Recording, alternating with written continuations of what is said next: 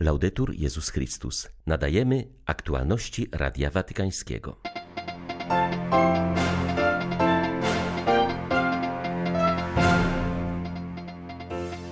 Papież w przesłaniu do Międzynarodowej Organizacji do Spraw Migracji mówi o braku spójności współczesnych społeczeństw, które potrzebują migrantów do pracy, a z drugiej strony odrzucają ich i zamykają się przed nimi. Pielgrzymka Franciszka wzbudza duże nadzieje na pojednanie i poprawę losu mieszkańców kraju oraz migrantów, uważa szefowa cypryjskiej Caritas. Przedstawiciele kościołów Ameryki Łacińskiej i Karaibów napisali w dokumencie końcowym po spotkaniu w Meksyku, że synodalność nie jest chwilową modą, ale należy do istoty kościoła. 29 listopada witają Państwa Łukasz Sośniak i ksiądz Krzysztof Ołdakowski. Zapraszamy na serwis informacyjny. Globalne zarządzanie ruchami migracyjnymi, ich pozytywne rozumienie oraz skupienie się na integralnym rozwoju człowieka może wydawać się odległym celem. Nie wolno nam jednak nigdy zapominać, że nie chodzi tu o statystyki, lecz o prawdziwych ludzi, których życie jest zagrożone, napisał papież w przesłaniu z okazji 70-lecia Międzynarodowej Organizacji do Spraw Migracji. Franciszek przypomniał, że Stolica Apostolska już od 10 lat jest państwem członkowskim tej instytucji. Przystąpiła do niej, aby ukazywać wymiar etyczny ruchów migracyjnych, a także podejmować współpracę w udzielaniu pomocy ludziom, którzy opuścili własną ojczyznę. Papież po raz kolejny podkreślił, że nie należy koncentrować się na liczbach, lecz dostrzec ludzkie oblicze migracji. Przypomniał, że do takiej postawy względem migrantów zobowiązuje większość tradycji religijnych.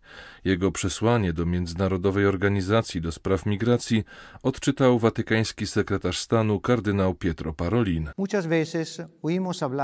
Często słyszymy o tym, co państwa robią, aby przyjąć migrantów. Ale równie ważne jest pytanie, jakie korzyści przynoszą migranci społecznościom, które ich przyjmują i jak je wzbogacają. Z jednej strony na rynkach krajów o średnio wysokich dochodach istnieje duży popyt na migrującą siłę roboczą, która jest mile widziana jako sposób na zrekompensowanie niedostatków. Z drugiej strony, migranci są zazwyczaj odrzucani i spotykają się z niechętnym nastawieniem ze strony wielu społeczności przyjmujących. Niestety ten podwójny standard wynika z przewagi interesów ekonomicznych nad potrzebami i godnością osoby ludzkiej.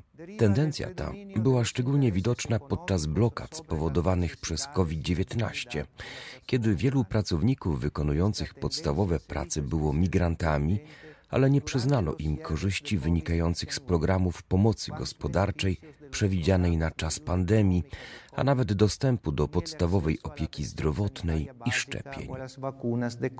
Papież wskazał też na kilka konkretnych wyzwań. Chodzi tu innymi o wypracowanie sposobu na uregulowanie sytuacji migrantów. Im więcej będzie dróg legalnych, tym łatwiej będzie można ich chronić przed światem przestępczym. Wczoraj po odmówieniu modlitwy Anioł Pański papież wyraził uznanie dla krajowych caritas, stowarzyszeń oraz osób prywatnych, które na co dzień wspierają migrantów i uchodźców. Dla osób zaangażowanych na trudnym odcinku posługi miłosierdzia słowa Franciszka stanowiły wielkie pocieszenie. Tak jak w przypadku Secours Catholique francuskiego oddziału Caritas. Juliette de la Place, odpowiedzialna w Secours Catholique za pomoc migrantom i uchodźcom na północnym wybrzeżu Francji zwraca uwagę, że w obozie w Calais przebywa obecnie 1200 osób, głównie z Sudanu, Erytrei i Afganistanu, którzy na co dzień żyją w niezwykle trudnym położeniu. Są nękani poprzez eksmisję z obozów, kradzieże rzeczy osobistych, namiotów i śpiworów, mają utrudniony dostęp do żywności i wody. W rozmowie z Radiem Watykańskim Juliette de la Place wyraża wdzięczność Ojcu Świętemu za jego wczorajsze słowa. Słowa papieża są dla nas wielkim zaszczytem to ogromnie znaczące dla nas wsparcie moralne i duchowe, ponieważ wolontariusze i pracownicy, którzy obecnie pracują z uchodźcami na granicy francusko-brytyjskiej, nie są przyzwyczajeni do tego typu wsparcia ze strony władz. Tutaj raczej podważa się sens naszej pracy i krytykuje się nasze zaangażowanie. W Calais jest nie mniej niż 16 dekretów zabraniających stowarzyszeniom rozdawania żywności i napojów uchodźcom. Pracujemy w nieprzychylnej atmosferze wśród przeciwności, dlatego wsparcie papieża jest nam bardzo bardzo potrzebne. Dzięki temu wierzymy w to, co robimy, wierzymy w miłosierdzie i w braterstwo. Niezależnie od wrogiego spojrzenia na nas, które czasami jest bolesne i trudne do zniesienia, słowa papieża dają siłę, zaufanie i nadzieję. Cypryjczycy z wielką radością przyjęli informację o papieskiej wizycie, mówi szefowa Caritas Cypr. Podkreśla, że pandemia spotęgowała występujące na wyspie problemy społeczne, takie jak bieda, bezrobocie, a także narastające napięcia w podzielonym społeczeństwie. Pielgrzymka Franciszka wzbudza duże nadzieje na pojednanie i poprawę losu, wyjaśnia Elizabeth Cassinis. Caritas stara się wspierać wszystkich potrzebujących mieszkańców wyspy w ostatnich ostatnich latach znaczna większość osób przebywających na Cyprze i wymagających pomocy to właśnie migranci. Caritas pomaga im się odnaleźć, zdobyć świadczenia, zarejestrować się, zapisać do systemu opieki zdrowotnej. Zajmujemy się także dostarczaniem żywności najbardziej potrzebującym. Mamy tu bowiem poważny kryzys żywnościowy, który nasilił się w ostatnim roku, wyjaśnia Elizabeth Cassinis. Papież Franciszek chce dzielić z nimi drogę, wyjść naprzeciw ich cierpieniu. Ta wizyta będzie promyczkiem światła, przypominającym o ludzkiej godności. Zachęci nas wszystkich, abyśmy jako społeczeństwo nie zapominali o najbardziej potrzebujących i tworzyli rozwiązania systemowe działające w dłuższej perspektywie. Będzie to także spotkanie ekumeniczne, bo Caritas i inne instytucje kościelne na Cyprze ściśle współpracują z Kościołem prawosławnym. Cypr to niewielkie miejsce, dlatego instytucje takie jak nasze muszą działać razem. Staramy się wzajemnie uzupełniać. Wyspa znajduje się niedaleko Bliskiego Wschodu, Turcji, Grecji ścierają się na niej wpływy różnych kultur i religii, a mieszkańcy starają się żyć razem i nawzajem szanować. Pielgrzymka papieża będzie okazją dla wszystkich Cypryjczyków do budowania własnej tożsamości. Wierzę, że będzie bardzo pozytywna reakcja na tę wizytę.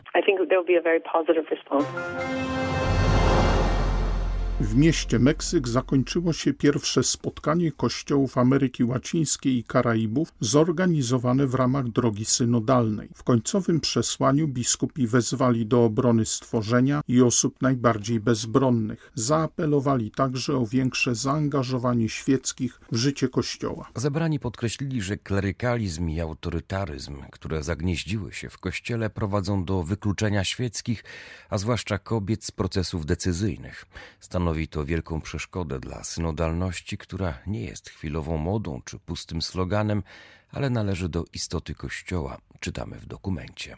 Pojawia się w nim także zdecydowany sprzeciw hierarchów wobec nędzy i niesprawiedliwości, jakiej doświadcza w Ameryce Łacińskiej coraz więcej rodzin oraz wobec niszczenia środowiska naturalnego. Biskupi podkreślili także negatywne konsekwencje pandemii, która jeszcze bardziej pogłębiła nierówności społeczne na kontynencie. Kolejne wyzwania to odnowa ewangelizacji, duszpasterstwa młodzieży, ochrona życia ludzkiego od poczęcia do naturalnej śmierci oraz odpowiednia uwaga poświęcona ofiarom nadużyć w Kościele, wspierana przez zaangażowanie w zapobieganie takim przestępstwom.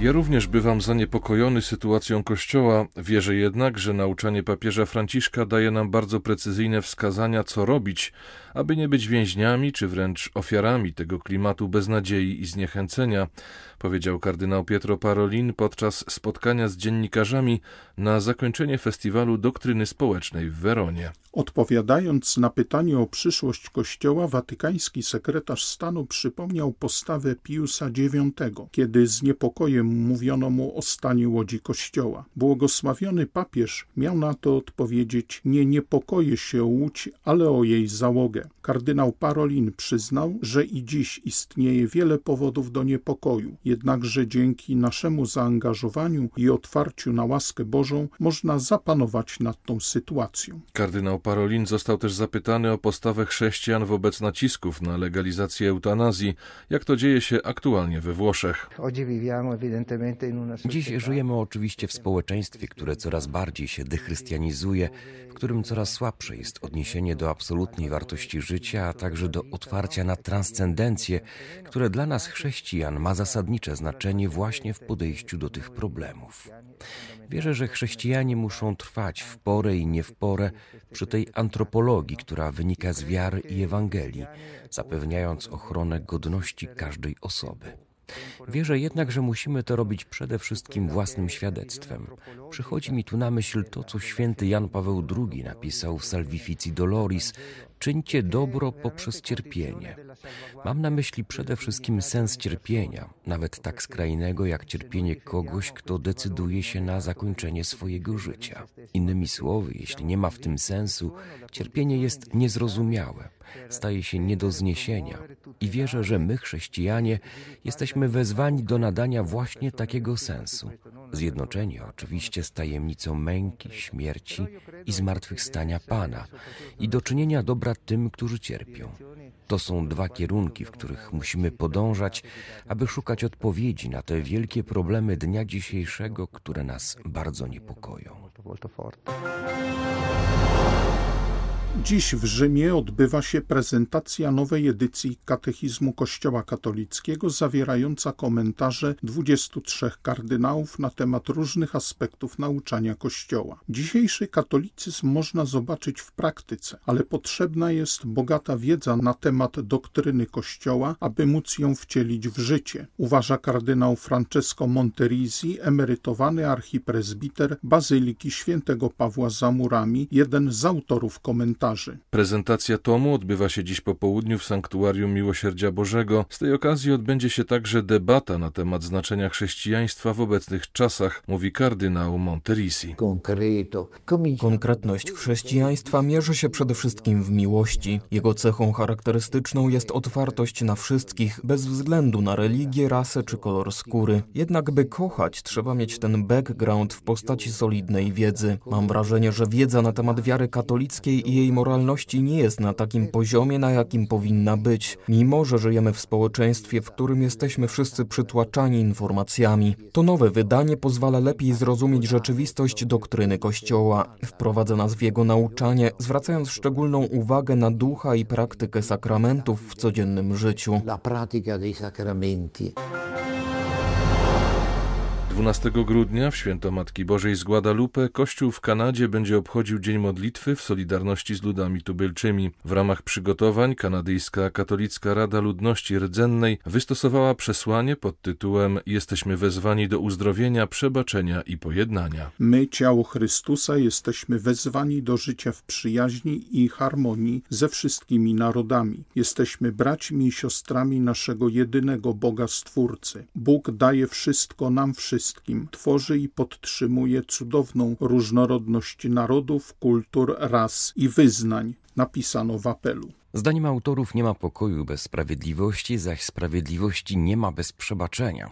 Dlatego, kiedy błogosławiona różnorodność staje się źródłem podziałów, zagrożenia i nietolerancji, nastaje wielki smutek, ponieważ strach i gniew niszczą możliwość przebaczenia. Przypominając o tragicznym losie osób w szkołach rezydencjalnych powierzonych Kościołowi katolickiemu, zaznaczono, że przebaczenie nie może być chwilowe lub powierzchowne, ale musi być odbiciem nieskończonej zdolności Boga do przebaczania, która nie poddaje się niszczącej sile ducha zemsty. Jeśli nie pogodzimy się z własną historią, nie będziemy w stanie zrobić choćby jednego kroku naprzód i pozostaniemy zakładnikami oczekiwań i rozczarowań.